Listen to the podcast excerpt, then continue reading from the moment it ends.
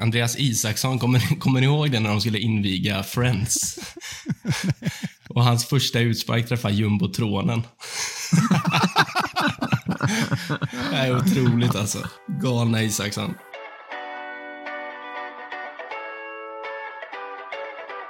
Can Manchester United score? They always score.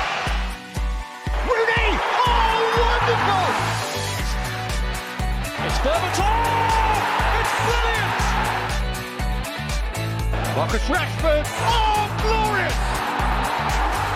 That is a special one! It's Beckham! It's a beauty!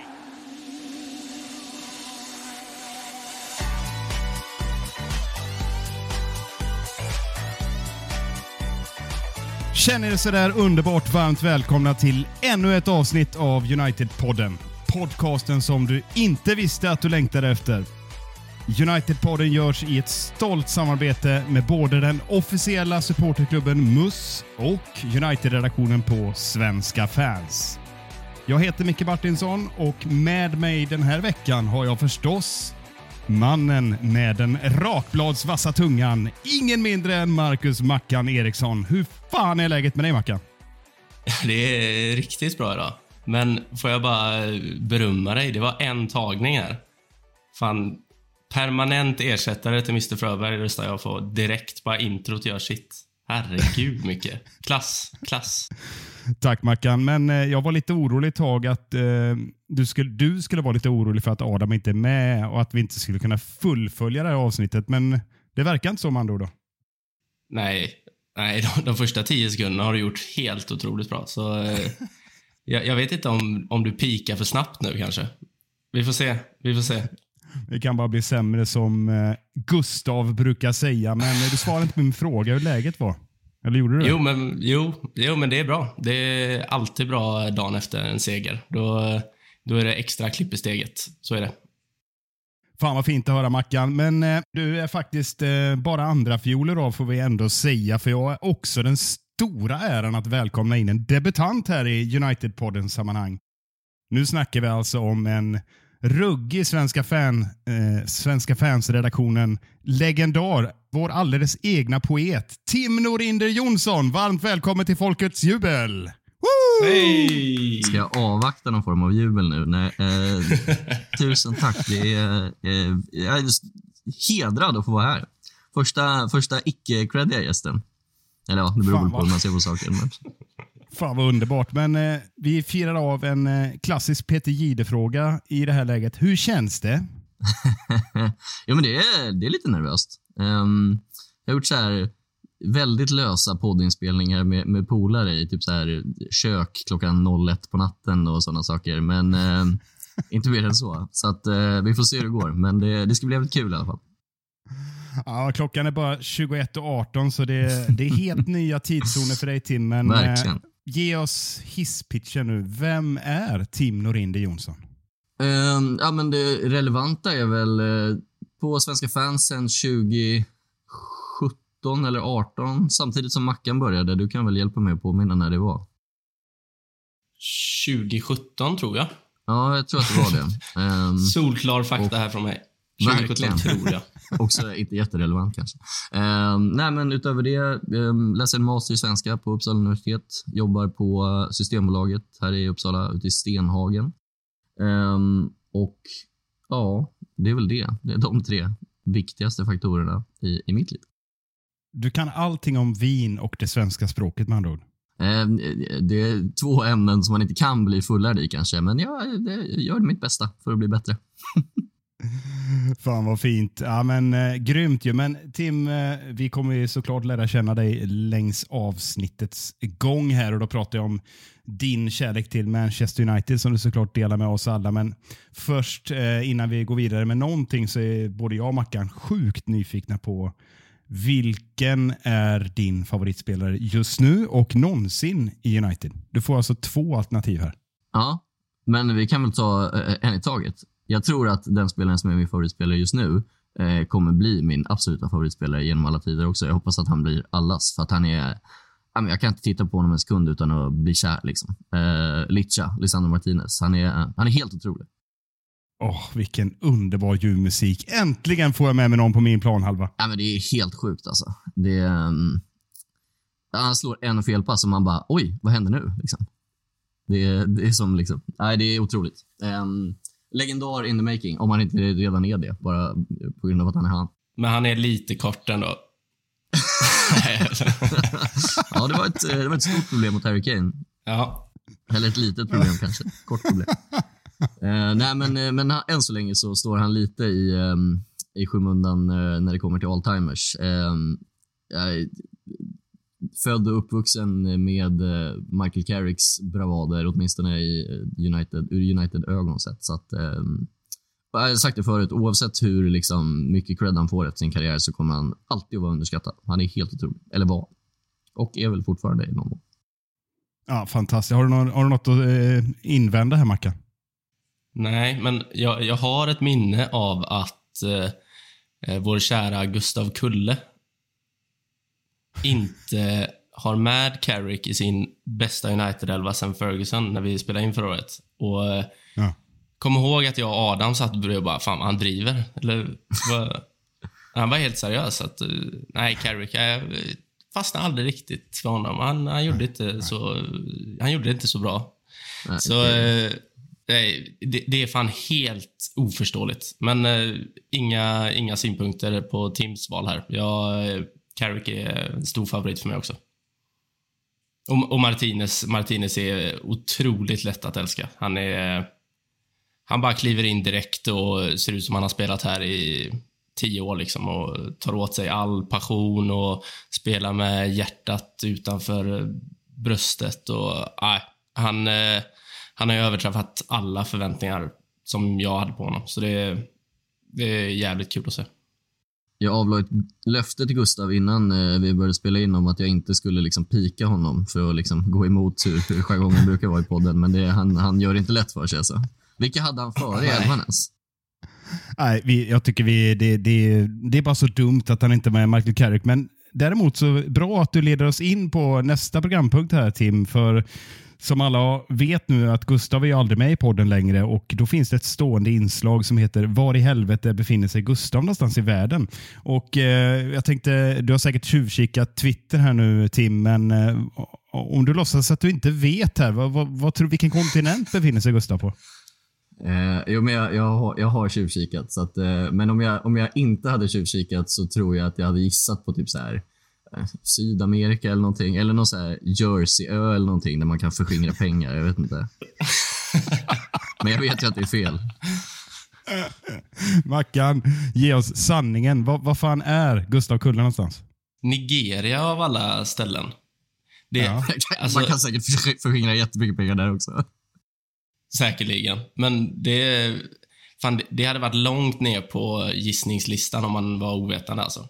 Det, hade inte ens, det hade inte ens korsat mina tankar om jag inte visste att han var där. Så eh, fair play att han tänker lite utanför sin eh, ibland lite trånga box kanske och eh, upptäcker världen och inte bara de här Caymanöarna och Luxemburg och Schweiz och allt vad han är. Ja, det är magiskt. Men man kan säga så här att eh, efter Gustavs vistelse så kommer de så kallade Nigeria-breven att få en helt ny innebörd. Det kan vi konstatera.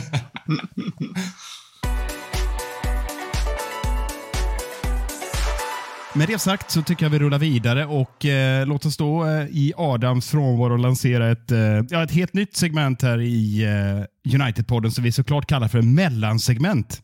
Ett fantastiskt eh, namn som jag har kommit på själv utan att få hjälp ens. Eh, och eh, Varför har vi då det här? Jo, men vi har ju naturligtvis massor att prata om. Till exempel den här fantastiska, underbara överkörningen mot Spurs eh, som vi kommer till. Eh, och Sen har vi ett antal rykande Talk of the Town-ämnen till er. Så eh, oroa er inte, det kommer. Det kommer. Men vi har ett par saker som jag känner vi behöver eh, beta av innan dess. Och Det är, kan jag avslöja, då, en lite tråkigare sak och en lite roligare sak. Men med det sagt så den första punkten som vi tar oss igenom här, det bär mig emot att återbesöka den här elefanten i rummet. Men eftersom elefanten drar till sig så pass mycket uppmärksamhet för tillfället så har vi inte mycket till val. De flesta har redan koll på det här, det senaste, men vi drar det ett varv till ändå. Det handlar naturligtvis om Mason Greenwood, som, vars namn dök upp i flödena här i förra veckan. Eh, innan ni får tycka till här Tim och Mackan så drar vi lite bakgrund för säkerhets skull. Vad är det som har hänt det senaste då? Jo, inledningsvis dök det upp lite rykten om en comeback, men eh, eftersom det ryktet fick ett abrupt slut när Manchesterpolisen gick ut med att de hade eh, häktat Mason Greenwood som sedan i januari varit fri mot borgen eh, och för han då hade brutit mot just borgensvillkoren genom att ha kontakt med målsägande, a.k.a. ex-flickvännen. Så han satt häktad under helgen, men nu är han alltså släppt mot borgen igen, så vitt jag förstår de senaste uppgifterna. Och Det kommer han så vara om han inte gör något ytterligare misstag eh, fram till och med domstolsförhandlingarna som jag i alla fall noterade den 21 november ska hållas. Och För att repetera åtalspunkterna, som eh, det är inte rättegångspodden det här, men det handlar alltså om försök till våldtäkt och ytterligare två åtalspunkter. Misshandel och eh, citat haft ett kontrollerande beteende. Vad säger vi om det här, Tim? Du har inte fått vara med och kommentera eh, Mason Greenwood i United-podden, men eh, du har säkerligen ventilerat detta i alla andra kanaler. Eh, ja, de kanalerna jag har. Nej, men eh, han... Jag hade ju en eh, Greenwood-tröja som är helt sönderriven nu. Jag skar av klubbmärket från den och eh, lite små detaljer också. Så att eh, det gör väl min eh, originella ståndpunkt som jag hade förväntat mig att alla skulle dela. Eh, men det är ju smärtsamt uppenbart bara en snabb liksom, glans på, på Twitter att så är inte fallet. Men eh, nej, alltså just det här med att han liksom har brutit mot borgen för att ta kontakt med henne vittnar ju också, för min del i alla fall, att oavsett om det finns tillräckligt med bevis eller så, vilket det i och för sig verkar göra, så är det en djupt osympatisk räcker inte, men en eh, djupt problematisk människa som jag eh, aldrig vill se ens igen. Oavsett hur mycket tjockare och fulare han har blivit. Vi noterar att eh, Mason Greenwood har gått upp åtminstone 20 kilo. Men vad tror du han har fått i sig för mat här under eh, den senaste åtta månaders perioden, Mackan? Ja, alltså han, han är ju inte värd mer än knäckebröd och vatten, men eh, det har väl förmodligen blivit en hel del eh, snabbmatsbeställningar hemma. Han lämnar väl inte huset, kan jag det har jag svårt att tro att han gör i alla fall. Så det är, det är nog mycket burgare och vad fan äter man i England? Vita bönor, bacon och uh, skit bara helt enkelt. Det, det är mycket engelsk uh, snabbmatskost på Greenwood, det, det tror jag. Nandos kyckling. ja, men maten är, är en sak. Men Mackan, eh, det mesta är ju redan sagt. Men vad har du för take på det här senaste som har uppdagats runt Greenwood? Alltså, jag vet inte. Alltså, det är som jag sagt innan, jag blir egentligen bara trött av att eh, se hans namn skrivas. Och som Tim var inne på, vissa så kallade United-supportrar som på något sätt ska stötta honom. Och eh, om, han, om det visar sig att han inte är skyldig så, så ska han tillbaka. Liksom. Jag, jag egentligen, egentligen vill jag inte prata mer om det, men jag, jag tycker bara att det, det är så idiotiskt att ens öppna den dörren med tanke på all, all bevisning som man ändå fick ta del av i januari. Eh, och eh, Alltså jag, hopp, jag hoppas bara få ett ganska snabbt slut på det. 21 november, en månad kvar till nästa, vad det nu är. Jag, jag fattar inte ens vad han gjorde där i veckan. Eh, så vi, vi lär väl vänt, få vänta ännu längre på, eh, på en dom. Men jag, jag, jag vill verkligen att här, den här historien ska vara avslutad så fort som möjligt. Att United då kan bryta kontraktet med honom och att vi inte behöver se hans namn förknippas med vår favoritklubb. För det, nej, det, det är så mörkt och problematiskt och allt dåligt jag ens kan tänka på att förknippa honom med United.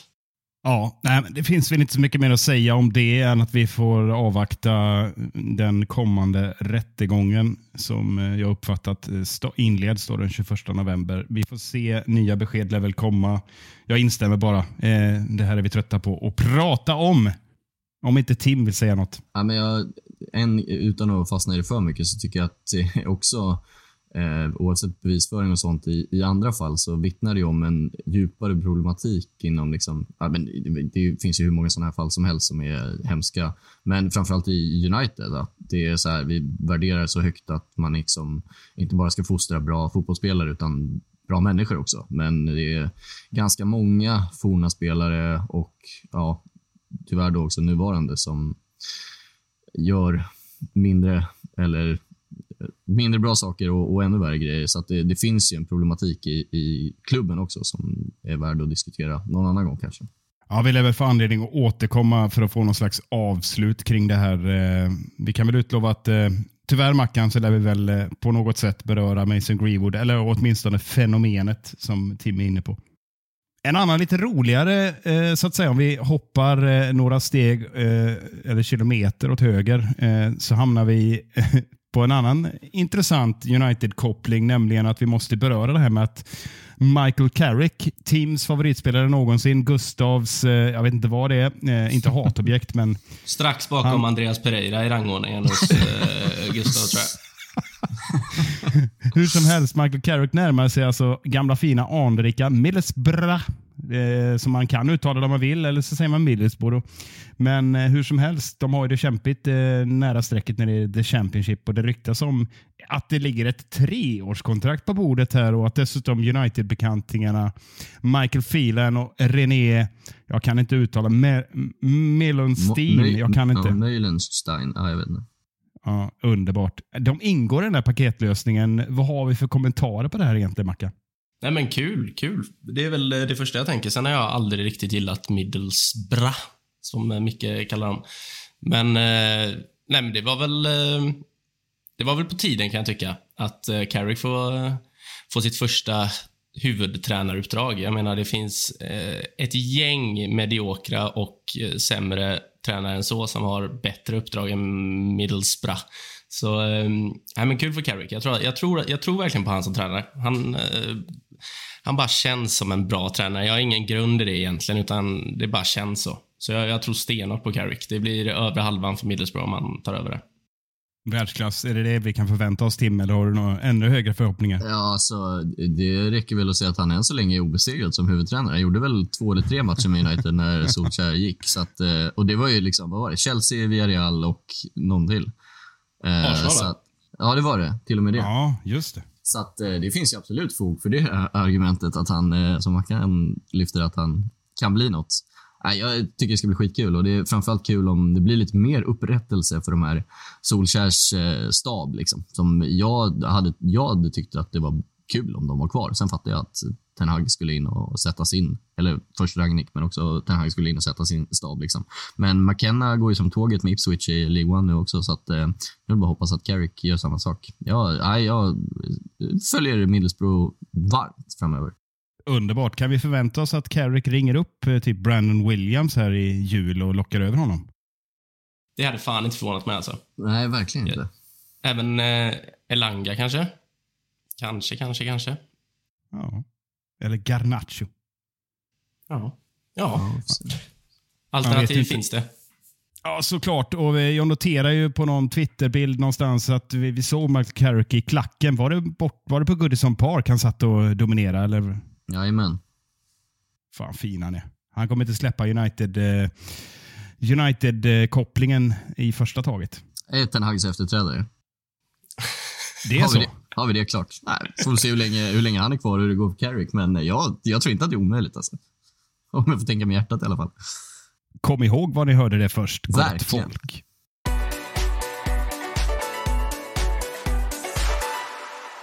Manchester United utklassade alltså Tottenham hemma på ett kokande Old Trafford. Många underbara intryck att minnas när det blåser småspik på Britannia Stadium, en lerig bortamatch i ligacupen kanske. Då får vi tänka tillbaka på den här underbara kvällen. Men nu skiter vi, skiter vi det och bara njuter, eller hur gör vi det bäst? Jo, självklart genom att släppa lös det ständigt underskattade segmentet Veckans macka. Vad har du till oss idag? El Maco. Ja, fan, jag, jag gillar ju namnet Veckans bajsmicke mer än Veckans macka, men jag, jag kör nu bara. Eh, alltså det, det här var nog eh, bland de lättaste matcherna att utse, eh, utse man of the match, tycker jag. trots att vi var så pass många bra insatser så, så fanns det ändå en viss brasse på mittfältet som fan, han gjorde inte ett fel igår. Och fick kröna insatsen med, jag, jag tänkte säga ett vackert mål, men det var det ju inte. Men eh, vi, vi, kan enas om att det var vackert, för att det är sådana mål Fred ska göra. Jag, jag, tycker att, jag tycker att Fred, han var helt överlägsen igår. Alltså. Han, han gjorde inte ett fel på 90 minuter. Han tacklade, han gjorde mål, han passade, vilket han inte gjorde någonting av i söndags, första 45. Så han är ju en spelare som blandar och ger, men när han har såna här dagar, då är, då är det hög klass på honom. Um, så ja, nej, han var, han var bäst. Jag, jag tänker inte invända här. Har du något att klaga på, Tim? Eh, nej, egentligen inte mer än att jag, jag vet inte om jag håller med om att han är felfri. Det är, liksom, det är en paketlösning när man får Fred och han, han är ju liksom svårt att hitta en översättning, men erratic i sitt, i sitt passningsspel. Det, det stämmer inte alltid, liksom. men det spelar ingen roll, för han vinner tillbaka bollen direkt efteråt i alla fall. Så att, eh, nej, han var... Eh, den här rollen som, som han kan få när Casemiro kan sitta lite längre bak så han kan pressa upp och vinna boll, den är som skräddarsydd för honom och han är... Han, är, nej, han var hur bra som helst. Det, det är bra att du säger det, Tim, för att alltså, felfri är fan Fred aldrig. Jag, när du sa det så kom jag på tre, fyra situationer som jag blev lite smått irriterad på igår. Men eh, han var felfri med Fred-mått mätt. Så kan vi ju komma överens om. Helt rimligt. Ja, nu är vi nyfikna på nummer två. För där fanns det några att välja på, eller? Det här, det här var svårt alltså. För jag, jag, jag kan liksom, jag kan komma på en spelare som jag inte tyckte presterade igår. Eh, men resten är ju Ja, det, det är svårt. Alltså, för alla, alla, samtliga inblandade gör ju jättematcher. Eh, men jag, jag, tycker ändå att vi att vi får landa i Casemiro här. Eh, för utan Casemiro gör inte Fred den matchen han gör. Eh, och eh, han är så jävla cool också. Alltså han, han gör allting så elegant. Han liksom sparkar ner motståndaren elegant, om det ens går. Men det, det ser bara så självklart ut när han gör det. Um, så, och så är han nära på att göra ett mål. Den vänsterkanonen där i första halvlek var ju värd ett bättre öde. Um, så, nej, Casemiro. Och så ser ni känslorna han uttrycker också när Bruno gör 2-0. Bara sätter sig ner på knä och lyfter händerna mot skyn. Alltså det, är, det är så vackert. Han, han känns ju också lite som Lisandra, att han har omfamnat den här klubben på eh, två månader. Liksom. Och det, det tillför så mycket eh, och det är så skönt att se han i ett Manchester United. Som vi har saknat en sån spelare. Så han, han, var ändå nära. Även om Fred var på en egen nivå så var Casemiro inte långt därifrån. Så han är nummer två i, i min bok. Jag vill ju dra en lans för Lisandro igår som jag tycker är käkar upp eh, Harry Kane. Harry Kane ser ut som eh, jag vet inte, Peter Crouch eh, på slutet där. Alltså otroligt stapplig, orörlig och eh, i stort sett varenda gång sprang han in i en argentinsk vägg. Och Jag bara satt och njöt och så såg man någon trött eh, Tottenham-podcast, jag kommer inte ihåg vad de heter nu än, som började härja om att det var någon som var kort och så vidare. Så, så fick de ner, nerkört i halsen. Det mådde vi inte illa av. Eh, men eh, Tim, håller du med mig eller håller du med Mackan? Nej, jag håller med båda två, men jag tycker, alltså, ska man ta upp eh, Lisandro Martinez varje gång så då är det ingen annan som får vara man of the match någonsin. Liksom. Han är, han är bäst varje gång. Så att, eh, jag tycker det är helt rimligt att lyfta Casemiro också just för att, som Mackan säger, utan honom så, ja, men, så fungerar inte Fred lika bra och framförallt så tror jag inte att backlinjen funkar alls lika bra som vi har ju sett prov på i hur många år det nu har varit utan en defensiv mittfältare. Liksom. Och på tal om känsloyttringar så måste jag också lyfta när, när han inte får in, han har ju tjänat ihop till ett mål snart. Alltså han har ju stått för några otroliga liksom, avslutslägen. Men när han, inte, när han inte sätter den och Bruno ska dit och bara säga, men kom igen, kör på liksom. Och han bara slår ner hans handslag och bara säger, ja, ja, ja, skitsamma, nu kör vi liksom. Det var, det var otroligt. Ja, man mår så jävla bra av de här. Det är Dalot som har dragit igång det där tror jag. Fyra alla inkast och, och alla brytningar. Och, det känns som att eh, det har smittat av sig och ja, man, får, man får energi av att se det. Tänk då vara på plan när publiken är så jävla galen. Eh, det ser ut som det var ett jävla rus, alla spelarna igår. Otroligt. Mackan, nu är, nu är vi sjukt nyfikna på vem är det som förtjänar eh, du måste höja dig priset idag? Ja, det, det smärtar att säga, men eh, Jadon Sanchos insats igår är eh, pinsamt usel. Alltså. Jag, jag, kan, inte, jag kan inte komma på eh, en aktion där jag tänkte, oh, bra gjort, bra gjort. Utan det var mest bara, vad fan håller du på med? Om du sa att alla spelare var i ett rus så eh, hade nog Sancho missat det ruset och stod för sig själv på en kant och undrade var fan han var någonstans. För på plan var han inte. Det, det är också sjukt att konstatera att när han väl byts ut så, är det ändå, så står han på en assist. Liksom. Hur, hur är det möjligt? Eh, säga vad man vill om den assisten, det är ju en pissassist. Liksom. Men Nej, jag, jag, jag, tycker det är konstigt också att han kan vara så dålig när alla andra är så bra. Det är ändå en bedrift. Så nej, höj dig Sancho för helvete och snabbt ska det ske också. Ryktet går här att du är en Sancho-kramare Tim. Är det, kan det stämma? 100 procent. Och, och, så, alltså så här, han, var, han var väl minst bra på plan igår, men så dålig vet jag inte om jag tyckte att han var.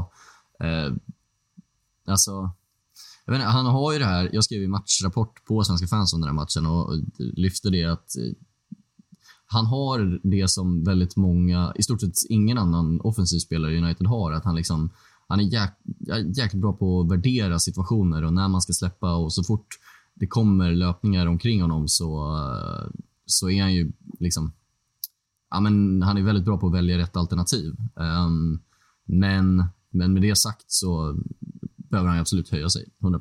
Men jag, jag, tror verkligen att det är en jag tror verkligen att det är en självförtroende-grej och jag tror att eh, ja, det är ju liksom, det har bevisats flera gånger den här säsongen hur, hur skört självförtroendet är, även om det börjar sätta sig nu. Och jag tror att man glömmer lite liksom, den prislappen som är på honom, eller som var på honom när han kom. Hur liksom, efterlängtad han var i United och han var också en av de som missade straff i EM-finalen. Liksom. Så att det, det är ett, jag tror att det är ett bygge att jobba upp det där igen och jag hoppas att även om han inte var lika bra som alla andra igår, eh, så, så hoppas jag att han får fortsätta starta för att liksom visa självförtroende och komma in i det här. För att jag tror inte att, jag tror inte att det är så långt bort ändå. Nej, men om vi ska ta oss vidare då. Tack för det Mackan. Snyggt eh, jobbat, supporterat av Tim. Eh, jag eh, fokuserar på mitt här. Jag, ni får inte så mycket analyser av mig idag, fast det är kanske ingen skillnad. Det brukar vara trötta analyser ändå. Men om vi ska ta lite headlines från matchen i övrigt då, så eh, satt väl jag de första tio minuterna och tyckte det såg lite knackigt ut och blev lite orolig när Spurs, Spurs fick lite grepp på oss ganska högt upp med sin press. Var du orolig då Tim? Jag vet inte. Alltså de, lite, absolut. Men de skapade samtidigt inte så mycket av den pressen. Eh, och framförallt så var United snabba med att konterpressa, eller vad man ska säga. Och gjorde det mycket bättre än vad Spurs gjorde. Så att jag vet inte om jag hann bli orolig. Eh, men så här, mer orolig för att det såg ut ganska mycket som det gjorde mot Newcastle i första halvlek. Och man bara så här, jaha, nu gör vi ingen mål ändå. Liksom. Men det, det löste sig också. Jag håller inte med om att jag, jag, tycker inte det påminner om Newcastle på samma sätt. Alltså, det var ju, när vi började vinna bollen högt och nagla fast dem. Eh, de kom liksom ingenstans och vi vann boll på boll på boll. Och vi öste på med var det 16 avslut i den första halvleken. Det var ett galet bombardemang. Så trots eh, det här massiva övertaget så noterar jag på Twitter att det var någon som var lite orolig inför andra halvlek, Mackan. Ta oss igenom dina känslor. Där. Vad kände du där efter 45? Det, det, var ju, det var ju berodde ju ingenting på Tottenhams insats, utan det är ju för att vi har ändå sett United spela bra för utan att få utdelning, oavsett motstånd. Alltså, vi kan ju möta några bunder från Azerbajdzjan liksom, och åka på 0-1 i sheriffen utan att de har en målchans. Liksom. Så eh, det, det, var väl, det var väl mest det som oroade oroar mig. Tottenhams första halvlek är ju fan... Alltså, jag, jag har en kompis som skrev till mig igår efter vad kan det ha varit, 35 minuter. Han skrev Många dåliga insatser har man sett på Old Trafford de senaste åren, men Tottenhams idag är fan det värsta.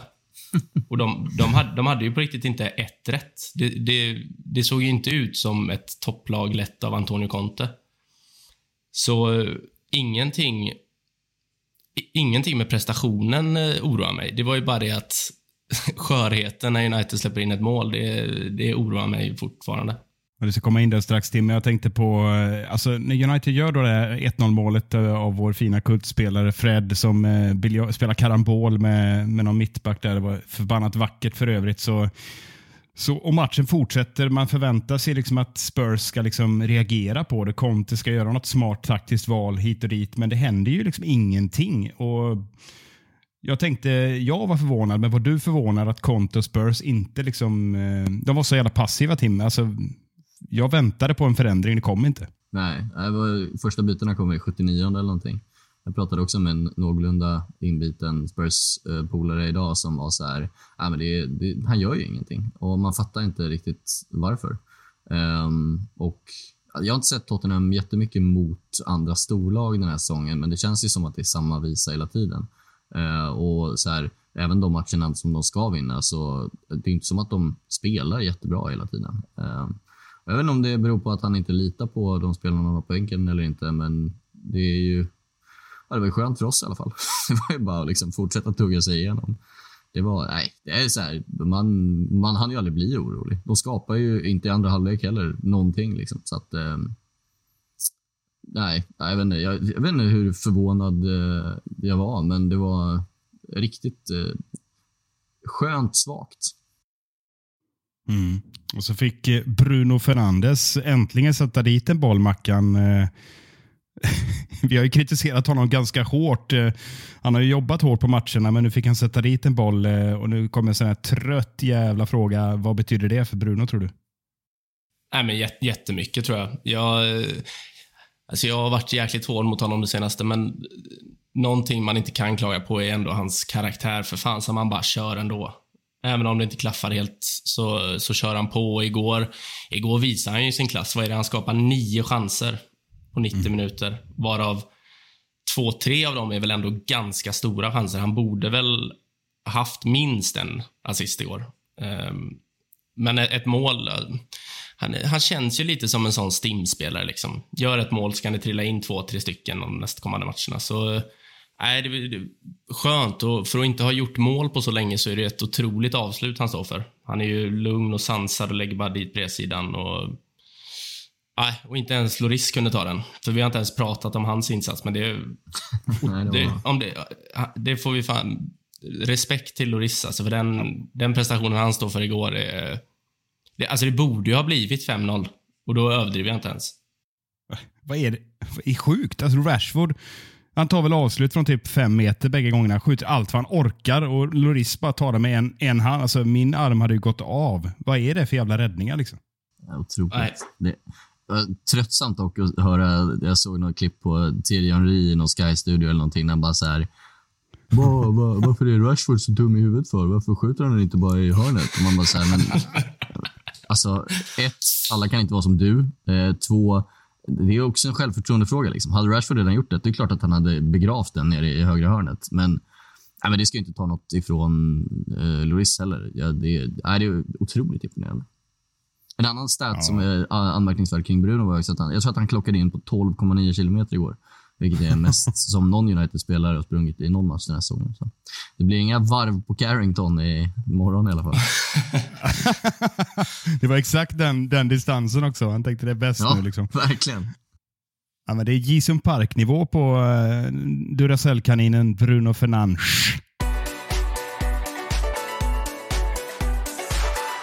Succé-segmentet Talk of the Town är tillbaka med fem aktuella ämnen som vi diskuterar och helt enkelt bedömer om det är sant eller inte. Det första påståendet lyder Cassefred är vårt nya första val som mittlås. Tim, jag vet att du brinner för vår eh, brasilianska samba-duo på mitten. Eh, vart står du här i det här påståendet? Det är en annan typ av samba som de producerar, men den är jäkligt eh, härlig att kolla på. Alltså. Men eh, jag hoppas inte det som, som liksom praxis i alla fall, för att jag tycker nog att eh, man visar nu att man kan föra matcher mot, även mot bra motstånd. Eh, så att jag tycker att man ska fortsätta försöka och liksom ge Casemiro, Eriksen och, och Bruno huvud, eh, alltså, lejonparten av, eh, av matcherna från start. Men i sådana här matcher och i matcher där man behöver pressa högt och försöka vinna boll och störa motståndarna så tycker jag absolut att det är de två som ska, som ska starta eh, ja, framför alla andra. Så att eh, inte, inte som praxis, men i den här typen av matcher, absolut. Ett semisant på det då, kan vi konstatera. Ja. Mac, håller du med Mackan? Du har haft lite blandade känslor för Fred, men eh, hur ställer du dig till den här nya superduon som introducerades på allvar igår? Ja, min relation till Fred, alltså vilken berg och dalbana det är. Jag benämnde honom som Uniteds sämsta startspelare under min livstid förra hösten. Och det, är, det, är, det är ett helt sjukt påstående egentligen. Men eh, nej, jag, eh, jag, eh, jag håller faktiskt med Tim här. Jag, jag tycker att eh, Eriksen ska in på det där mittfältet. Sen, sen hade jag fan velat se ett mittfält med Casemiro, Fred och Eriksen. Och så då skicka ut Bruno på en vänsterkant i någon liten, eh, ja, i någon liten friroll där eller upp som falsk nia eller... Men det, det hade varit kul att se Casemiro, Fred och Eriksen. Eh, dels på grund av Eriksens passningsfötter, Casemiros stabilitet och Freds ivrighet. Det känns som de hade kombinerat varandra jäkligt, kompletterat, inte kombinerat, kompletterat varandra jäkligt bra. Så nej, jag, jag håller ändå Eriksen över Fred om jag måste välja. Ja, jag eh, har en liten annan take på det här. Jag, jag är lite inne på mm, båda era linjer, men jag tänker så här att nu, nu är vi liksom låsta i det här systemet 4-2-3-1, eller som jag tycker mer att det är 4-3-3. Eh, Glenn Strömberg säger det är 4-2-3-1 här då. Då får man liksom bara slappna av i att ah, ja, det är 4-2-3-1. Det finns ingen, ingen, man, ingen annan kan se något annat. Men jag ser en 4-3-3 eh, då och då med en 6 av 2 8 men skitsamma.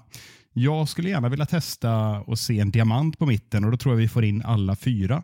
Det kanske är när laget har känns, känner sig lite stabila och vi kan liksom börja laborera lite. Varför inte köra Casemiro som sköld och sen så har du Fred och, och eh, Eriksen framför i diamant, ytterdiamanten och så Bruno som spets. Eh, och Då kan man välja att ha två anfallare eller så har man Bruno som falsk nia. Det skulle jag vilja se, för Bruno har ju kompetensen att ta löpningen in i straffområdet och så vidare. Men det beror lite grann på eh, vilka de andra två är. Men varför inte? Eh, med tanke på att eh, vi inte har någon solklar nia just nu så skulle det kunna vara ett alternativ även om Rashford gör det bra. Det är min take. Då är det ju jäkligt magstarkt att, att säga att vi ska spela med två strikers när vi knappt har en fullfärdig frisk. Liksom. Eh, men, men som, som idé så gillar jag, och det där är bara lek med siffror. Liksom. Det är en mm. 4-1-2-1-2 och en 4-3-3 med falsk nia är väl väldigt, väldigt snarlika varandra. Mm. Jag tyckte det var väldigt märkligt i början av säsongen när, när man spelade med en falsk nia, eh, när varken Ronaldo eller Martial var tillgängliga och Eriksen var den som spelade falsk nia och inte Bruno. Mm. Um, mm. Jag tror att motsatsen hade funkat mycket bättre. Han bevisar ju uppenbarligen att han kan springa. Så att, ja, jag vet inte, men jag stöttar, stöttar idéerna som ni har. Hur summerar vi detta då? Semifalskt från Tim, Mackan, något liknande? Ja, men vi, jag, nej, de är inte vårt nya mittfältslås. Jag säger också nej. Marcus Rashford är vår viktigaste spelare i offensiven. Eh, ja, och lite kontext till det då så kan man ju, vi har ju precis pratat om Bruno Fernandes och Christian Eriksen, men eh, Rashford har ju lite andra egenskaper och det är lite grann det vi far efter, eh, säger jag utan att eh, vinkla för mycket. Vad tror vi om det, Mackan? Ja, alltså just nu med skadeläge och eh, annan skit som pågår så så är han ju faktiskt den enda offensiva spelaren som löper i djupled. Um, Anthony ger inget direkt djupledshot, inte Sancho heller. Sancho kan löpa i djupled, han har gjort det delvis, men han, han älskar inte det. Så eh, med alla spelare som är tillgängliga nu så tycker jag att Rashford är den viktigaste offensiva pjäsen. Eh, om man bara kollar till de tre anfallspositionerna. Sen, sen tycker jag ju att Eriksen är viktigare för vårt spel överlag, till exempel. Casemiro är viktigare för vårt spel överlag, till exempel. Eh, men när Martial är frisk så, så är han vår viktigaste offensiva spelare. Det, det står jag fast vid. Men av spelarna som är tillgängliga så är det Rashford just nu. Ja, vad bra du, du garderade dig själv, för jag hade tänkt säga eh, förutom Martial, men, men Tim, om vi säger så här, vi lägger på Martial-ekvationen. Det är lite kul att spicea upp det här påståendet mitt i. Vad säger du då? Eh, alltså, jag tycker också att Martial är den absolut viktigaste. Eh, framförallt för att han är den enda som kan liksom spela den typ av hold-up play som, som Ten Hag vill ha och kombinera sig fram liksom i banan. Eh, och, men och, även om man bortser från honom så tycker jag nog inte att Rashford är den viktigaste för att den djupledsrollen skulle, liksom, alltså han är ju långt ifrån lika bra, men Elanga skulle kunna ta den. Liksom. Eh, jag vet inte vem, jag tycker så här, skadeläge och skadeläge. Eriksen hoppade in igår och han är ju den absolut viktigaste spelaren. Men även annars så typ så här, nu fortsätter mitt Sancho-kramande lite grann, men jag tycker båda yttrarna är mer viktiga för att de bidrar med någonting i en i det sättet som Ten Hag vill spela fotboll på, som, som jag tycker är, är viktigare och svårare att ersätta Eh, med det truppläget vi har nu i alla fall. Alltså Antonis liksom förmåga att utmana och hålla bredd eh, och Sanchos, ja men som sagt, beslutsförmåga som är eh, mils, lång, alltså milsvida bättre än någon annan. Eh, och framförallt Rashford som ju, det kanske är hans största problem som spelare tycker jag. Så att eh, eh det blir ett klart nej för mig. Intressant att vi kan se fotboll på lite olika sätt, för jag, jag tycker det här stämmer. Eh, och Mackan, eh, du garderar dig med att Martial inte var med i ekvationen, men, men eh, det kan du få rätta till på, på slutet. här. Men jag, jag, tycker Rashfords egenskaper, det finns ingen annan som har dem. Eh, och Då kan man ju tycka att jo, men det är väl självklart man ska ha en linkspelare som Eriksen eller en, en eh, fantastisk framspelare som Fernandes eller de här wingers vi nämner. Men eh, Rashfords djupledshot, även om han inte liksom glänste igår, brände två kanonchanser eller han har varit eh, bitvis eh, ryckigt bra i år så tycker jag hans egenskaper är extremt viktiga för det här, det här laget att skapa liksom, djup i spelet. Och det räcker absolut inte bara med den egenskapen, men hade han satt två mål igår så hade vi suttit här och tokhyllat honom. Så jag säger att det här stämmer. Det, det, som, det som framförallt är glädjande med Rashford just nu är att hans självförtroende är ju verkligen tillbaka. Nu när han får bollen och har lite yta så går han rakt mot sin försvarare varje gång. Och när han gör det så kommer han ju förbi, för det är ju ingen som hinner med honom. Um, sen tycker jag ändå att han har blivit lite bättre i hold-up-spelet. Eh, att han, han kanske inte vinner dueller, men han går fan upp i dem i alla fall. Eh, och det, det, det, är väl inte jättebra, men det, det är någonting i alla fall. Det, anledningen till att jag faller tillbaka på Martial är ju för att han är så, alltså han är ju otrolig i det spelet och han är dessutom bra på att gå i djupled, vilket folk inte tror för att de tycker att han är lat och inte ler. Eh, så, eh, ja, det, det är ju svårt, men när vi, när, när vi sitter här och ska välja ut en offensiv spelare och få utgå från denna truppsituationen så är ju Sancho och Anthony, jag köper det Tim säger. Eh, men det känns fortfarande som de, det finns så, alltså de har så långt kvar till sin högsta nivå. Och jag tycker inte Rashford har så långt kvar till när han är som bäst. Det är målen som ska trilla in liksom. Men vi börjar se glimtar i spelet som vi inte har sett på nästan två år. Och kommer han upp i sin högsta nivå, då, då är han nog en av våra viktigaste spelare i laget, även om Martial är frisk. Då summerar vi detta med två nej från Tim och Mackan och ett ja från Micke. Och så går vi vidare. Kritiken har varit överdriven. Förläng kontraktet med David de Gea. Ja, men de Gea har ju varit under lupp i de flesta United-kretsar, så även i detta forum flera gånger. Därför känns det ganska fräscht att vända oss till dig Tim. Kan du ge oss lite nyanser kring de Gea eller stämmer du in i kritiken? Alltså, um, både, jag vet inte, både ja och nej antar jag. Jag, håller med om den kritiken som har riktats mot honom och framförallt för att jag tycker liksom inte att den är överdriven för att det känns som att det, den huvudsakliga kritiken kommer från de som liksom, det kommer från ganska sakliga håll eh, och, och, det finns ju fog för det. Han är ju han har svagheter med fötterna och han är liksom alldeles för passiv när det kommer, framförallt när det kommer till inläggsspelet. Um, ehm, så att jag, jag tycker att kritiken är befogad, men jag vet inte. Jag tycker att han liksom så här, Visst, han såg ut riktigt, riktigt svag ut med boll eh, vid fötterna i början av säsongen, men det har gått, vadå, två månader nu och han ser redan mycket bättre ut. Så att, jag vet inte. Jag tycker det är knepigt. Kan man lära sig att spela med fötterna i 30 plus-åldern, Mackan? Jag, jag tror fan inte det. Jag tror verkligen inte det. Det, det, är klart att man kan göra det, men jag, jag tror inte de Gea kan göra det. Han, Han har lite, jag får lite samma känsla när han har bollen vid fötterna som när Harry Maguire har bollen vid fötterna. Att, att det är liksom en het potatis som måste bort så fort som möjligt. Och vart den, vart den ska spela mindre roll, den ska bort. Liksom. Han, jag, jag, vet inte om det var, var, var i söndags mot Newcastle. Han har liksom tre, fyra grejer som bara, vad håller du på med? Och sen har han igår någon fin cross på 50 meter rakt på Shaws fot, men liksom... Rätt kan ju alla göra eh, någon gång. Men det sker gör för mycket fel, så nej, jag, jag tycker inte att man ska förlänga kontraktet med honom. Nej, fan vad fin show är det. Det ser ut som en saccosäck som dör på bröstet. Liksom. Så jävla god är han. Ja, det är underbar. Nej, men jag, jag, jag, jag är fan velig i den här jävla frågan. Eh, på påståendet förläng kontrakt med de Gea. Alltså, jag säger det beror på vad vi tar fram istället. Då eh, Då måste vi ha en målvakt som är på samma skottstopparnivå, men helst med, med bättre fötter än Andreas Isaksson. Liksom, för det var han jag trodde skulle säga, inte Maguire. Jag tycker det är lite taskigt. Maguire har ju rätt fin stöt i bollen ändå. Jo, men stöt i bollen ja, men han är ju för, han är, så fort han har den vid fötterna ser det ut som att han håller på att få en hjärtattack. Sen när han väl trycker ifrån bollen så är det, det är ju ganska fin bollträff, men uh, ja, det spelar ju mindre roll när du håller på att tappa den varje gång. Andreas Isaksson, kommer, kommer ni ihåg det när de skulle inviga Friends? Och hans första utspark träffar jumbotronen. det är otroligt alltså. Galna Isaksson. Stor kärlek till Stockholmshatet i den utsparkningen. Ja, det är underbart. Det ska han fan ha. Men vi tar, jag utkräver tre snabba, eller två, tre snabba. Ett av mig och två er.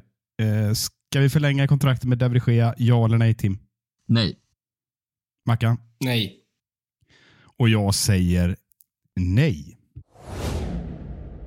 Nu får det vara sluttramsat. Cristiano Ronaldo har spelat sin sista match i United-tröjan och eh, man kan väl lite, behöver inte ge någon kontext för jag tror hela världen har, har nog eh, sett vad som har hänt här under eh, gårdagskvällen, på slutet på matchen och framförallt idag, vilka konsekvenser det har fått att eh, Ronaldo lyckas leverera på eh, osportsliga planet gång på gång på gång eh, och till slut fick Ten Hag nog. Är detta slutet, Macka?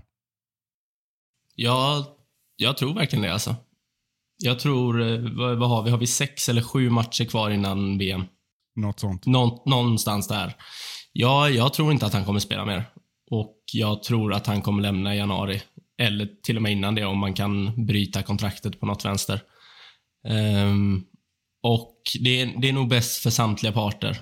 Um, ingen, ingen inblandad tjänar på att han ska vara kvar där längre. Um, så ja, jag tror att det var det sista vi såg av honom i United, tror jag. Jag, jag känner så här, eh, du ska strax få komma in Tim, jag är sjukt nyfiken på din take på Ronaldo överhuvudtaget. Eh, men jag känner så här, det var, det var liksom en lättnad i min kropp när jag såg den här eh, tweeten om att eh, Ronaldo är avstängd. Jag bara kände så här, fan vad skönt. Nu är det liksom de här jättebebisfasonerna får en konsekvens. Sorry, det är 2022 nu. Det går inte att leva på, på gamla fina meriter. Och Man ska inte ta bort något från hans karriär, men beteendet sedan han kom tillbaka och framförallt den här säsongen är ju, det har vi redan sagt, det är ju patetiskt på alla sätt och vis. Och det kändes så jävla gött när Ten Hag bara drämmer näven i bordet. Agerar professionellt igår, säger eh, we deal with it tomorrow, nu ska vi fira, det älskar jag och sen kommer ett kraftfullt agerande. Vad säger du Tim? Om du börjar där och sen får du gärna arbeta dig bakåt i din Ronaldo-åsikt här.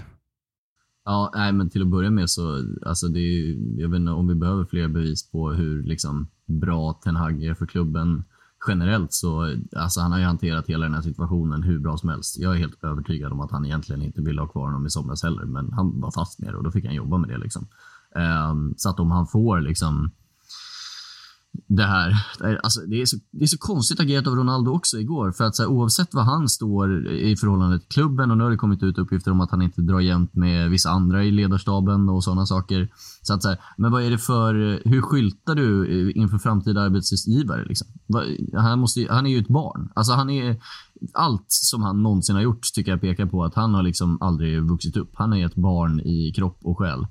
Uh, och det är så pratade med en, en god vän om det här idag och tycker nästan det viktigaste i hans liksom regression är väl att så här, om man jämför med typ Messi till exempel, eller för den delen typ Zlatan som också haft en så liknande omdaning av sin spelarprofil. Så han verkar inte kunna acceptera de delarna som han har blivit sämre på. Och alltså han ser så slut ut i kroppen. Eh, varje gång man försöker sticka fram bollen på honom. Och det, jag tyckte man såg glimtar av det förra säsongen också, men det har blivit smärtsamt tydligt nu. Så att ehm, ja, jag kan prata om Cristiano Ronaldo hur länge som helst. Jag har inte jättemycket till övers eh, för honom, varken som människa eller som eh, fotbollsspelare längre. Ehm, men ehm, jag var beredd att svara ja, eller jag var beredd att svara nej på den här frågan förut idag eh, när ni skickade ut dem. Att, så här, jag, tror, jag tror inte att han har gjort sin sista match bara baserat på att Ten Hag är så himla pragmatisk och verkar liksom, är han kvar då ska vi hitta en roll till honom. Men givet det som har hänt nu så tror och hoppas jag att vi aldrig får se honom i en United-tröja igen. Att han, han bidrar inte med någonting längre. Han har tappat sin USP och kan inte komma ifrån det. Liksom. Får jag bara flika in innan vi lämnar eh, Ronaldo för, för idag. Jag, det är fortfarande de här jävla United-ikonerna som ska sitta i studios och snacka skit. eh, vi var inne på det för några vecka sedan. Eh, och jag kallar väl eh, Roy Keane för CR7-fanboy. Men, men det, det, gäller ju inte bara Roy Keane, utan det är ju Patrice Evra och ja. Rio Ferdinand och i viss mån Gary Neville också. Men om, om vi bara kollar till vad de säger att om du har en sån spelare i klubben som garanterar mål så ska han spela. Det, det hade ju haft någon tyngd om han faktiskt mm. var bra och bidrog när han spelade. Mm. Då, då, då, hade jag, då hade jag haft en annan förståelse för hans agerande igår, om han faktiskt hade varit bra när han spelade. Men att göra det i det läget och så som han presterat, det visar ju bara på att han är ett barn, som Tim säger. Att han, han har ju noll självinsikt i vad han själv har presterat på planen. Och eh, att då skifta över allt fokus på sig själv efter Uniteds bästa match på fem år. Det, det säger allt om hans karaktär och personlighet. Ja, 12 år till och med. Säkert. Så det är, äh, 12 år, det är så gammal Ronaldo är i huvudet, eller vad tror vi? ja, det max. Var, det var en lämplig avrundning och vi kör en eh, omröstning igen där. Eh, var det sista matchen, Tim? Ja. Äntligen. Ja. Och jag säger också ja. Helvete vad överens vi är idag. Ska vi se om vi kan ändra på det till sista påståendet. Trots en okej okay säsongstart är Ten Hag handikappad av en inkompetent ledning. Ja, det här ämnet känns ju alltjämt stekhett. Mackan, vi vet var du står här. Du ska strax få komma in, men Tim, du har ju närmast doktorerat i Glazer-familjens dynasti genom en artikelserie på Svenska fans. För övrigt kan jag eh, varmt rekommendera den läsningen. In och läs för bövelen. Men du har också kreerat detta påstående Tim och är det så, det finns en regel här i United-podden, om man gör det så får man helt enkelt börja eh, och förklara sig. Gör din grej. Ja, alltså jag vet inte vart man ska börja ens, men det, det, det, finns, ju, ja, det finns ju åtminstone tio eh, sidor A4 att skriva om det här som redan har skrivits, men det finns ganska mycket mer också.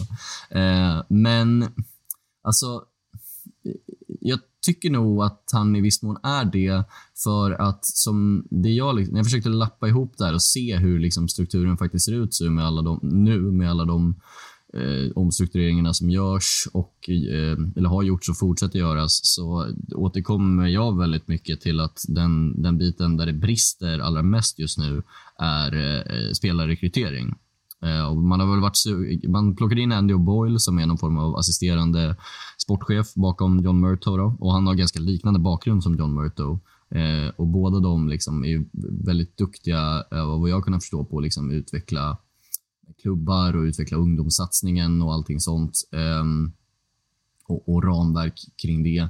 Eh, men just spelarrekrytering för, för seniorspelare, eh, där vi ju har brustit alltså, fatalt. Eh, I ja, hur länge som helst så, så känns det som att det, det, finns där, det är där det finns mest grejer att fortsätta jobba med. Eh, och Det var väl inte alls, inte alls, eh, inte minst märkbart i somras när man liksom hade väldigt svårt att hitta alternativ till de spelartyperna som Ten Hag ville ha, vilket gjorde att man la så mycket pengar som man gjorde på Antoni till exempel. Eh, och att man istället för Frenkie de Jong plockade in Casemiro som är en helt annan spelartyp, men som ju också behövs. Liksom. Så att, eh, och, och, det har ju liksom, eh, Ragnik rekommenderade väl eh, vad heter han gamla Spurs-killen som är i, i Monaco nu? Eh, Paul Mitchell, va? Paul Mitchell, precis. Som är från Manchester för övrigt. Så det hade ju kunnat vara något. Det pratas lite om Michael Edwards som har varit i Liverpool tidigare. Så det finns ju en del alternativ eh, som man skulle kunna spetsa med. Men man har inte gjort det än och eh, det leder till att i, i viss mån, ja, eh, han, han, är, han är det fortfarande. Men jag hoppas och tror att det är någonting som klubben jobbar på att förbättra och kan liksom eh, komma vidare från ganska snart. Men än så länge så just egentligen inte kring någonting mer än att så här, man... Sen så just kring Ronaldo också är det väl värt att ta upp att det kom ganska trovärdiga uppgifter om att det var Joel Glazer som vetoade ett, ett, att man skulle försöka ha kvar Ronaldo i somras eh, in i det sista, vilket väl gjorde att klubben inte var speciellt behjälplig i eh, eh, Eh, Jorge Mendes jakt efter en ny klubb på honom, eh, eller till honom. Så att eh, vi får väl se hur det ändras nu, för nu ska han ju ha full backning i, oavsett hur han hanterar den här Ronaldo-soppan. Men eh, så att dels liksom Glazers ägande kommer ju alltid vara hämmande i viss mån, men från den sportsliga ledningens håll så är han ju framförallt eh, hämmad av den, den bristande kompetensen som finns inom rekrytering och bollande av andra alternativ för de spelartyperna som han vill ta in för att vidare eh, utveckla sitt spel. Liksom. Så att i någon mån är det, men jag hoppas att eh, vi kan liksom, komma vidare från det ganska snart. Ja, men stort tack för eh, vad ska vi säga, föreläsningen Tim. Eh, mycket intressant. Jag, åtminstone jag lärde mig lite nytt där. Mackan, du hatar inte när man får eh, lite, höra om lite glazer-veto. Vad, vad, vad, säger du om det här påståendet? Håller du med eller håller du med? Jo, men det är klart jag håller med. Men alltså, känslan är väl ändå att någonting verkar vara på väg att ske till det bättre. Men som Tim är inne på, alltså inkompetensen att ta fram potentiella alternativ till en Anthony, till en Frenkie de Jong. Eh, alltså, det var ju, Jag ser bara framför mig att Murto och gubbarna sitter på kontoret och bara, nej, Frenkie blir svår. Fan, Rabiot, han är väl också mittfältare, va? Eller Casemiro, han är väl också mittfältare? Det, det, är liksom, de kan bara positionerna, de har ingen aning om spelartyp eller vad de är bra på. Utan, ah, han spelar mittfältare, tror jag. Jag har sett det. Så gå på han. Det, det är liksom all trovärdighet bara på att man ska lita på de här grabbarna. Det, det går ju inte att skapa. De kan ju inte skapa en trovärdighet för oss supportrar att vi ska lita på dem. För det, allt pekar ju på att de faktiskt inte kan särskilt mycket. Och säga vad man vill om Chelseas sportsliga organisation sen i ägaren. Men där finns det ju i alla fall, där känns det ändå som en vilja att göra någonting bra. Alltså, de, de vill hitta rätt gubbar till att leda dem framåt. Jag, det är väl, jag har ingen aning hur de löser det, men det snackas väl om att någon från Leipzig ska komma in. Ägaren där har väl insett att hans tid som tillförordnad sportchef var... Den behöver vi inte ens gå in på, men li, lite så som Chelsea har agerat i sommar har ju typ United agerat i tio år. Att, mm. men fan, Koulibaly är bra. Och Fofana mm. är också bra. Fan, de spelar samma position. Ah, vi värvar båda ändå, det är skitsamma. Lite så har det ju känts med United och den riktningen borde vi komma ifrån och det känns ändå som att vi kommer komma ifrån den. Det kommer inte gå snabbt, men det kan inte bli sämre, tänker jag. Det måste bli bättre någon gång. Man ser framför sig de här herrarna, vad är han heter nu, Chelsea-bossen eh, igen? Jag glömmer alltid av vad han heter. Todd Bowley. Bowley, känns det inte som att Bowley och Glazers som sitter liksom där i någon jävla Malibu-villa med illasittande Dressman-kostymer som är inköpta på brandrea fast det är guld i sömmarna så att eh, de är värda något. Så sitter de där och ja, de lirar inte kanasta, de lirar inte vad fan, Black Jack, utan de sitter och lirar sådana här Panini-album och byter lite så här spelare med varandra. Ser ni inte det framför er? Ja, ni får, det får om jag får eh, Ja, han är också bra. Det känns som det är den nivån på de här gubbarna. Ja, det roliga med det är att det liksom verkar som att det, i, i, alltså det finns ganska mycket sanning i det. Todd Bowley ska ju vara väldigt förtjust i just swap deals, liksom. För att man håller på jättemycket med det i NBA och vad fan han nu kollar på. Sen finns det jättemycket att säga om, om liksom, implikationerna det här har för liksom, Premier League och i viss mån även fotbollens liksom, framtid på något sätt. Eh, det finns ju jättemycket problematiskt där också och Bowley har ju öppet snackat om hur man behöver göra för att tjäna pengar på ett sätt som inte är helt förenligt med vad, vad Premier League är för, för liksom institution egentligen. Så att eh, det finns många likheter dem emellan eh, och många av dem är ganska skrämmande om man tänker lite på det. Fan, vi har ju en del här nu. Jag ska inte göra någon ny sån galen sammanfattning, men det finns ju liksom, vi har Saudiarabien, vi har Qatar, vi har massa galna jänkare. Vad är, vad är, liksom, vad är det härnäst vi ska få in? i, i Nottingham. Ja. Alltså det, det är helt sjukt. Alltså det känns precis som världsledarläget ett tag när man hade eh, Duarte och, och eh, eh, Bolsonaro, Trump och Putin och han dåren i Nordkorea. Det är lite samma mix av dårar liksom. Men ja, ja, jag vet ja, fan vi, vart är vi på väg? Liksom? Jo, vi är på väg mot vad då? ja, ut fan alltså. Det är, det är läskigt. Men om man ska återkoppla eh, det lite till, till, eh, till United så, eh, och Chelsea är ju en jäkligt bra parallell för att de har ju liksom verkat, de verkar rycka in någon så här superduktig kille från Norwich och han gamla city-producenten mm, av talang som numera är i Southampton och plockade dit Basunu och Lavia och alla dem. Så att eh, de, de verkar göra det väldigt mycket snabbare än vad United har gjort i alla fall. Men för den, och, och det var jag ganska mycket inne på, att vi får nog vara medvetna om att saker kommer ta jävligt lång tid eh, i, med den sportsliga ledningen vi har. Men å andra sidan, om alternativet är Saudi eller någonting sånt, då är åtminstone jag ganska bekväm med att eh, det får ta lite tid. Det skriver vi under på och eh, vi säger så här då eh, för att runda av Talk of the Town. Är Ten Hag handikappad av en inkompetent ledning, Tim? Ja, än så länge. Mackan? Jag kopierar Tims svar där. Vi är överens igen. Jag, jag har inte framfört någon annan åsikt än att jag måste hålla med. Det var ruggigt vad överens vi var. Men nu går vi vidare.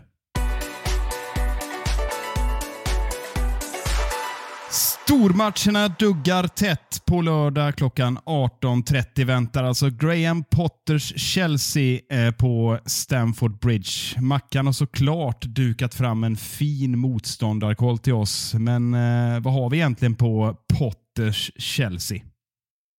Ovant läge för mig. Första, första motståndarkollen i poddens historia från min sida. Det brukar vara Micke och Gugge som sköter det här.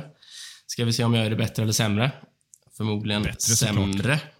Men, eh, men Potter har ju fått en eh, riktigt bra start på sin sejour i Chelsea sedan han kom in där. Eh, och har väl, jag ska inte säga att han, man redan kan se så tydliga spår av hans filosofi, men lite som vi har sett eh, från United i vissa matcher. Man kan se att det finns eh, idéer som implementeras. Eh, blev riktigt imponerad, främst mot Milan på Stamford Bridge där de verkligen satte ner foten och körde över Milan. Ehm, sen var de bra borta också, men då hjälptes de ju av Tomoris minst sagt tveksamma utvisning där i minut 17 eller vad det var.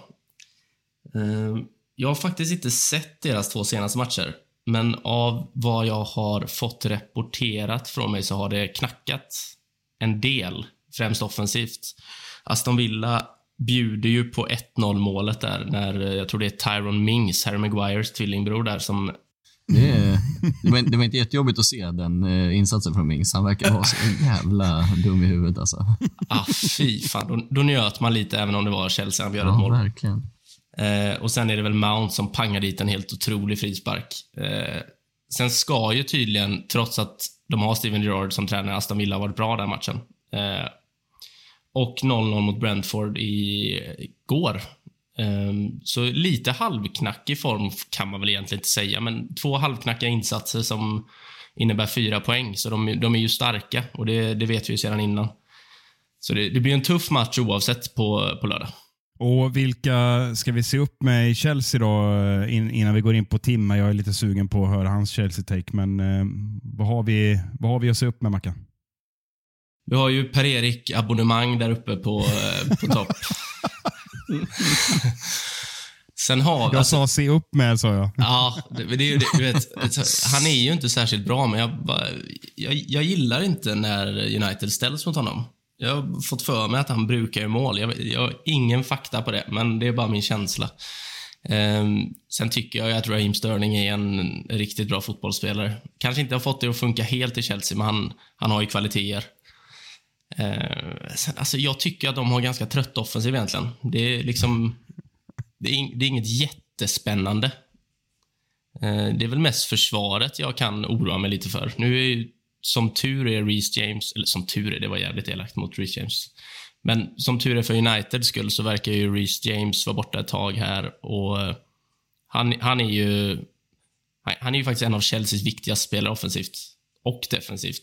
Ehm, så det är ju skönt för United att slippa honom. Sen tycker jag, jag tycker inte vi behöver oroa oss för någon särskild, utan det är väl, eh, det är väl kollektivet Chelsea då som Potter börjar bygga som, som ska oroa lite mer. Sen enskilda spelare, nej, det är väl abonnemanget då och eh, Sterling, skulle jag säga. Intressant. Tim, eh, i och med både ägarbyte och tränarbyte har Chelsea-aversionen på något sätt avtagit hos dig? Eller eh, vad känner du? Är det, eller är vi där och håller på och kladdar med Potter?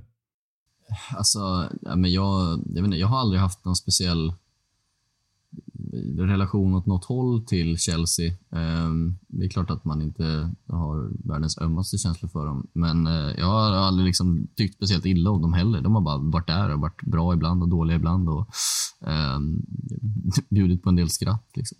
Så att ehm, Vad tänker du då där- på? Nej, jag vet inte. Det känns bara som att ett, allt som Roman Abramovic rör vid är på något sätt pajigt. Liksom, även, om det blir, även om det blir bra. Eh, men, eh, nej men, ehm, och de här jävla Eva, vad hette hon? Eva, Eva Longoria eller vad hon hette när de sparkade ut henne. Det var, ja, men det var så jäkla konstigt agerat. Vad fan var det? det dra, Nej, Eva Longoria är en skådespelare. Vad hette hon? Jag minns inte vad hon hette. Det Carneiro var en hette hon, tror jag. sjukgymnast. Carneiro, tror jag. Eva Carneiro hette hon. Ja. Jaha, Longoria, var hon inblandad? Det är ju Kiefer Sutherlands exfru va? Just det.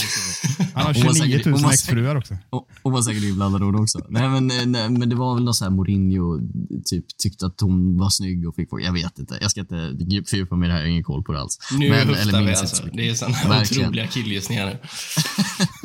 men, eh, nej, men däremot så, så allting som eh, Graham Potter rör vid blir väldigt sympatiskt och bra. Jag, jag hade inte alls haft, nu är ju så här, Ten Hag är väl kanske det bästa vi kunde få, men hade vi inte fått honom så tycker jag att Potter hade varit det enda rimliga. Så det smärtar ju i, så, i viss mån och så, se honom i Chelsea. Um, men um, jag vet inte, jag, jag, är, jag är orolig för den här matchen. Um, det känns som ett... Ja, dels har ju Potter redan piskat dit oss en gång den här säsongen i, i premiären. Uh, så att, uh, så han, han, är, han verkar vara så jävla bra på att jobba med det han har liksom, uh, och få till det ganska snabbt. Det har väl varit likadant överallt eh, där han har varit. Så att, ja, jag tycker det är lite läskigt och, och om det någon, finns någon som man vill lyfta lite extra så verkar det ju framförallt som att han har fått ut väldigt mycket från Mason Mount än så länge. Ehm, det, det kan bli farligt att hantera i de här fickorna som vi kanske inte alltid har full koll på mellan, eh, mellan ytterbackar, mittback och, och defensivt mittfält. Så att, eh, jag är orolig och eh, jobbigt. Jag tycker, det, jag tycker att det är jobbigt att de faktiskt kanske har ett projekt som kan hålla på länge. Det är väldigt kul när de bara håller på och byter tränare och ingen fattar riktigt vilken riktning klubben är på väg i. Det var mycket roligare. Det här känns lite jobbigare. Mm, jag instämmer. Vad, eh, om vi ska vända oss tillbaka till eh, United, Mackan, vad får vi se? Får vi se någon förändring eh, från startelvan mot Spurs? Jag tror faktiskt inte det alltså. Jag tror att det är exakt samma elva. Jag, jag tror att han gillar vad han får av Fred och Casemiro i toppmatcher. Och även om Eriksen skulle ha återhämtat sig fullt ut så tror jag ändå att han får inleda på bänken. Det jag i och för sig kan se hända är om Sancho kliver ut och eh, Eriksen kommer in istället för honom och det blir någon typ av rockad där. Men annars tror jag de andra tio, tio spelarna sitter nog säkert. Det är nog Sancho som eh, är lite halvosäker från start, tror jag. Vad tror du Tim? Ja, jag tror, jag tror inte han kommer mixa speciellt mycket med, former, eh, med formationen. Det känns som att det, nu har han hittat det här och nu kommer han köra på det. Liksom. Um, och det är ju väldigt likt det han har hållit på med tidigare i Ajax och så också. Så att uh, det, det, enda är ju om Martial hinner bli frisk. Jag vet inte vad status är där. De skulle väl utvärdera det nu igen inför helgen. I så fall så hoppas jag att han går in bara för att han behövs. Och sen om det är på bekostnad av Sancho eller Rashford, det spelar väl, alltså för mig spelar inte det jättestor roll. Båda av dem kan, kan hoppa in och bidra därifrån också. Så att, um, men jag, jag, om inte Martial är frisk så, så tror jag att det blir exakt samma, samma elva.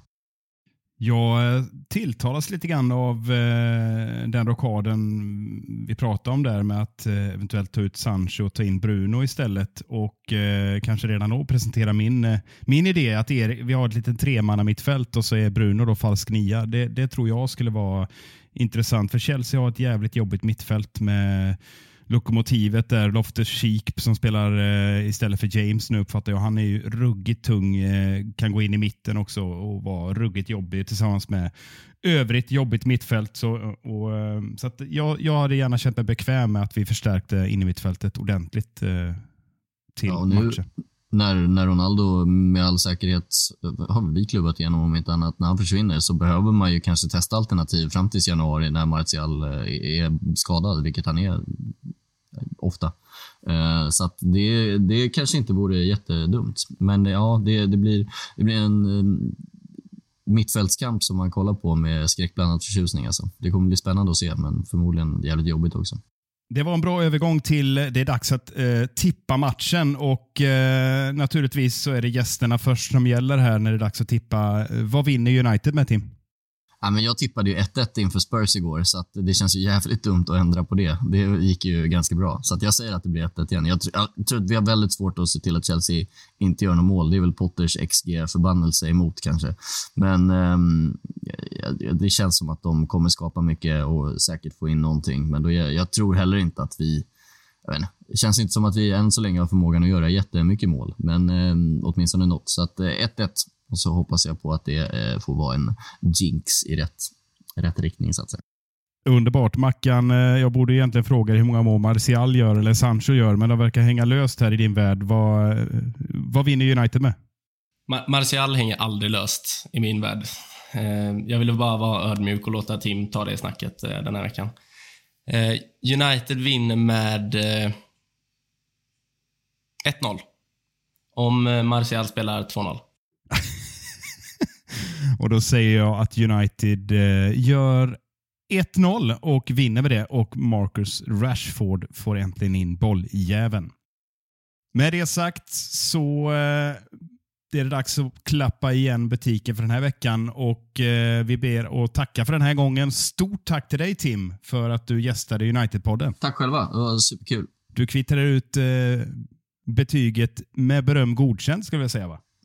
Det, det, det är taget är briljant är det. Och tack till dig också Mackan, men framförallt stort tack till alla er som har lyssnat. Ni är för jävla goa och följ oss på sociala medier som vanligt. Fortsätt att leverera underbara förslag på ämnen och se nu till att ha en ljuvlig helg. Tjena!